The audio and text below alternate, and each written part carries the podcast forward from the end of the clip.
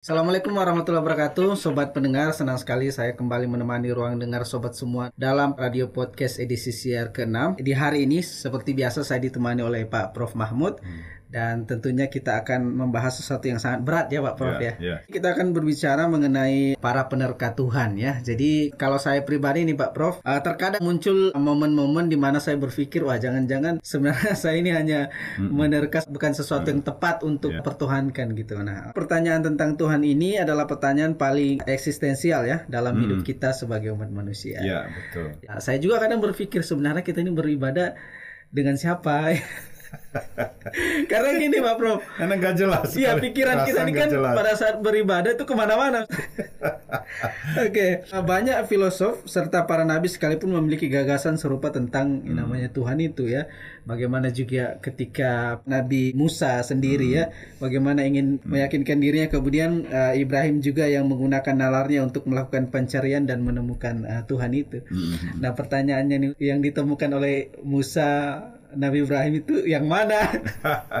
Apalagi generasi kita saat ini yang sudah mm-hmm. yang sudah jauh. Nah, yeah. nah saya langsung saja nih Pak Prof. Mm. Pertanyaan pertama, apakah kita nih ya Pak Prof sebagai manusia mm-hmm. saat ini benar-benar dapat menuhankan sesuatu yang tidak dapat dibuktikan. Dibuktikan. Baik, assalamualaikum warahmatullahi wabarakatuh. Waalaikumsalam. Ya. Ini topik menurut saya uh, sering didengar orang, tapi belum tentu diperdalam ini karena ini sesuatu yang uh, teologis, yeah. yang teologis sifatnya teologis karena berbicara Tuhan itu yeah. tidak gampang, ya, tidak gampang karena banyak kebanyakan orang merasa Tuhan itu jauh sekali, ya, betul. ya kan? Ya. sehingga susah dibuktikan. Betul. Ya, nah dua hal bang selama ini dalam kehidupan manusia mulai zaman uh, dahulu kala misalnya. Mulai ya suku-suku di Timur Tengah saja. Dua hal yang yang saya lihat mengenai Tuhan itu. Ada orang cenderung mau melihat Tuhan secara real. Betul. Sehingga mereka akhirnya lari ke material. Ya ya misalnya pohon besar. Hmm. mereka akhirnya anggap itu sebagai Tuhannya. Sembahlah di sana ada mata air, ya ada batu, ya, hmm. ya macam-macam. Itu terbukti sampai sekarang pun di uh, suku-suku uh, di pulau-pulau yang dalam yang yang mungkin belum tersentuh oleh dakwah masih hmm. ada. Bahkan juga ada yang sudah uh, beragama, ya, tapi juga masih praktek dengan Tuhan yang ya ya ilah-ilah gitu ya, namanya. Ya, ya. Itu yang disembahnya. Ya, itu yang disembahnya. Kalau kita lihat historis ya, beberapa nabi terdahulu itu mereka komunikasi. Generasi kita sekarang memang berat karena uh, untuk mencapai hal itu itu susah. Iya, iya. iya kan? Iya. Pernah abang komunikasi dengan Tuhan ya, dengar so, ngomong gitu? Belum pernah. Iya. Nah, saya membaca ya, membaca ayat-ayat Allah itu hampir semua manusia sekarang ini ya untuk komunikasi langsung begitu itu udah susah. Ya kenapa? Karena uh, historis dosa itu masalahnya menjadi belenggu uh, penghambatnya. Oh. Ya, maka ada ayat Allah mengatakan gini, orang yang dapat melihat Tuhan itu adalah orang yang suci hatinya. Nah, itu. Itu orang itu bisa melihat Allah kalau suci hatinya. Iya kan? Nah, bandingkan nih bang ya uh, generasi sekarang ini kalau kita tanya suci nggak hati? Ya, ya, itu. berat itu. Jawabnya untuk berkata ya itu berat. Nah karena kalau pemaknaan Allah itu atau Tuhan itu material ya seperti paganisme misalnya itu mereka bisa buktikan ini loh sesembahan kami. Ya kan? Tapi kalau kita mau melihat Tuhan yang tidak bisa dibuktikan maka standar dasarnya hatimu suci supaya bisa melihat Tuhan. Hmm. Ya. Kalau kamu mau melihat Tuhan itu dari iman. Iman itu harus ada buktinya. Hmm. Dasarnya iman itu ya dasar itu artinya dia harus meletakkan bahwa dalam hidupnya itu perlu Tuhan. Ya. Ya kan? Sehingga bukti supaya mencapai bukti itu adalah harus disertai oleh tuntunan kebenarannya. Supaya terjadi bukti. Tapi yeah. kalau tidak angan-angan saja. Nah itulah yang dikatakan misalnya Nabi Daud alaihissalam dia katakan uh, aku telah uh, menjumpai Tuhan melalui firman-firmannya.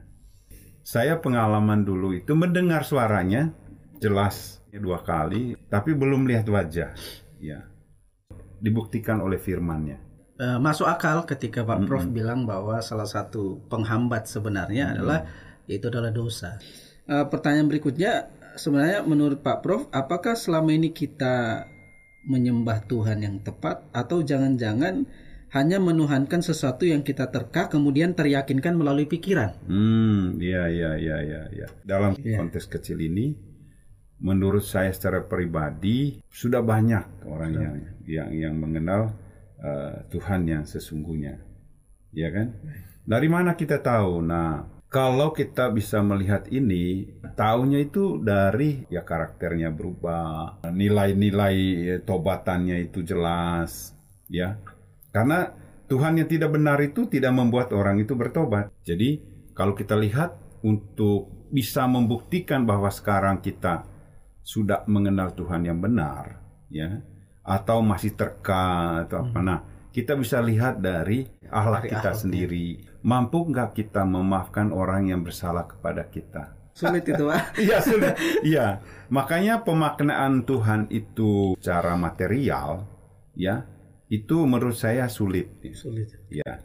Tapi kalau pemaknaan Tuhan itu secara spiritual, ya, maka semua kita akan bergantung kepada Dia. Allah sudah menurunkan wasiatnya itu, yaitu firman-Nya sendiri. Di situlah kita uh, dituntun untuk mengenal dia karena di sana amanahnya, larangannya sudah ada, ya tuh. Yeah. Nah di situ kita bisa tahu sebenarnya hidup kita ini ada di dalam uh, arahan Allah, dalam arahan Tuhan.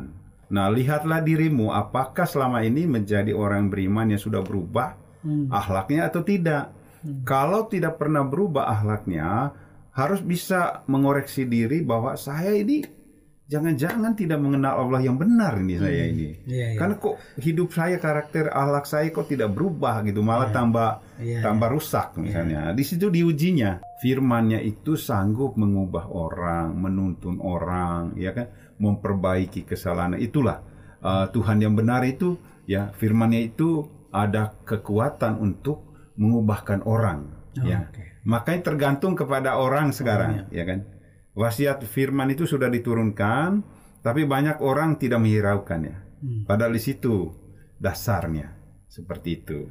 Nah, pertanyaan saya, kalau sebenarnya Betul. kita sudah mengetahui sifat dari Tuhan yang kita yakini, mm -hmm. ya, apakah kita sudah dikategorikan bahwa kita tuh mm -hmm. sudah benar-benar mengenal Tuhan ya, gitu? Ya, ya, ya. Atau hanya sekedar lama-lama kita menyembah sifat atau seperti apa? Ya, ya betul, bang. Ya, Hampir dilema, dilema selama ini kan begitu, Bang.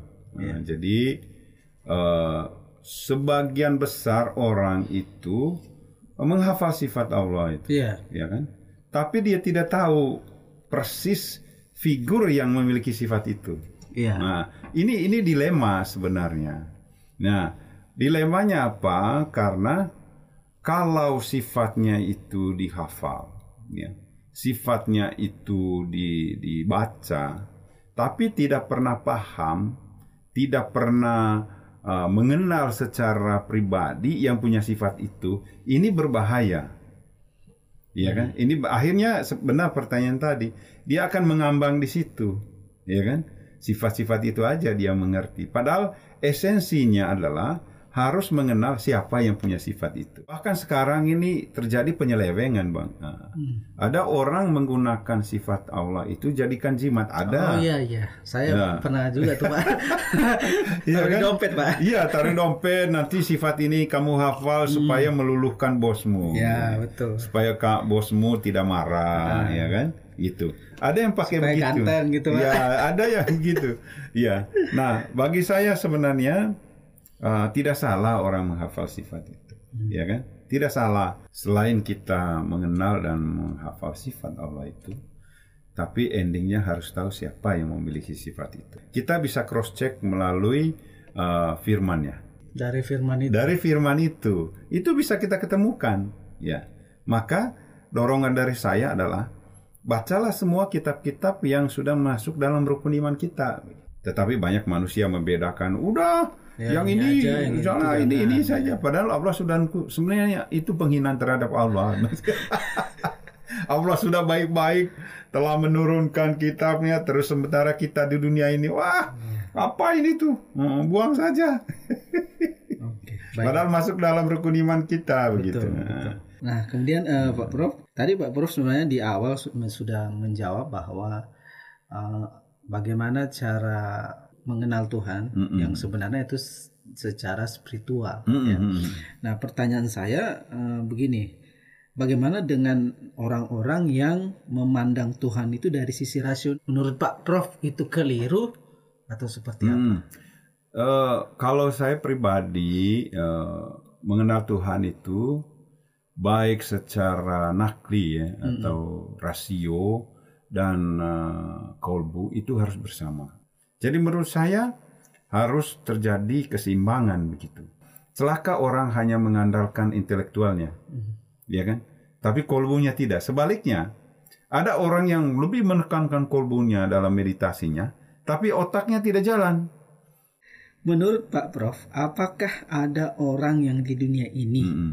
sudah benar-benar melihat Tuhan itu? Hmm, ya. Gitu. Saya sih mengacu kepada firman Allah ya. Pernah ya. saya baca itu bahwa tidak ada satupun manusia di alam ini yang melihat Allah. Nah, kecuali dia yang datang dari Allah ya, dia yang tahu itu. Pak Prof sebenarnya menjawab hmm. uh, yeah. bahwa menurut Pak Prof itu belum ada ya? Belum Bukan ada. tidak ada. Bukan tidak ada. Tidak ada. Belum, belum ada. ada. Pertanyaan mengenai keberadaan Tuhan muncul di pikiran-pikiran hmm, kita setiap yeah. saat ya. Pasti. Sayangnya memang Pak Prof kita lihat banyak uh, orang yang sulit memberikan uh, jawaban yang bisa dimengerti. Hmm. Nah, jadi Uh, kami berharap bahwa jawaban yang disampaikan Pak Prof tadi bisa hmm. dimengerti oleh yeah. untuk pendengar semua. Kadang-kadang membuat iman tuh jadi lemah, Pak Prof. Hmm. Kalau kalau kita berbicara pencarian tentang Tuhan yeah. itu ya seperti yeah. yang Pak Prof Betul. sampaikan tadi, memutuskan untuk menyediakan keberadaan Tuhan. Hmm. Karena terlalu rasional mungkin ya, Pak Prof. Terlalu rasional. Terlalu ya. rasional ya. ya.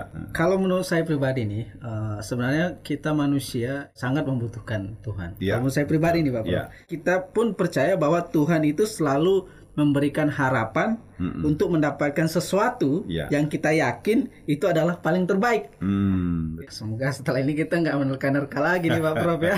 Jangan menerka lagi. Jangan menerka tapi lagi. evaluasi setiap evaluasi hari. ya. Setiap evaluasi. hari apakah saya ini sudah mengenal apa yang benar atau tidak. Sobat pendengar, uh, itulah dia topik kita. Kita sudah berada di uh, penghujung program di uh, Radio Podcast edisi siar ke-6 dan minggu depan insya Allah kita akan bertemu lagi di topik wasiat surga.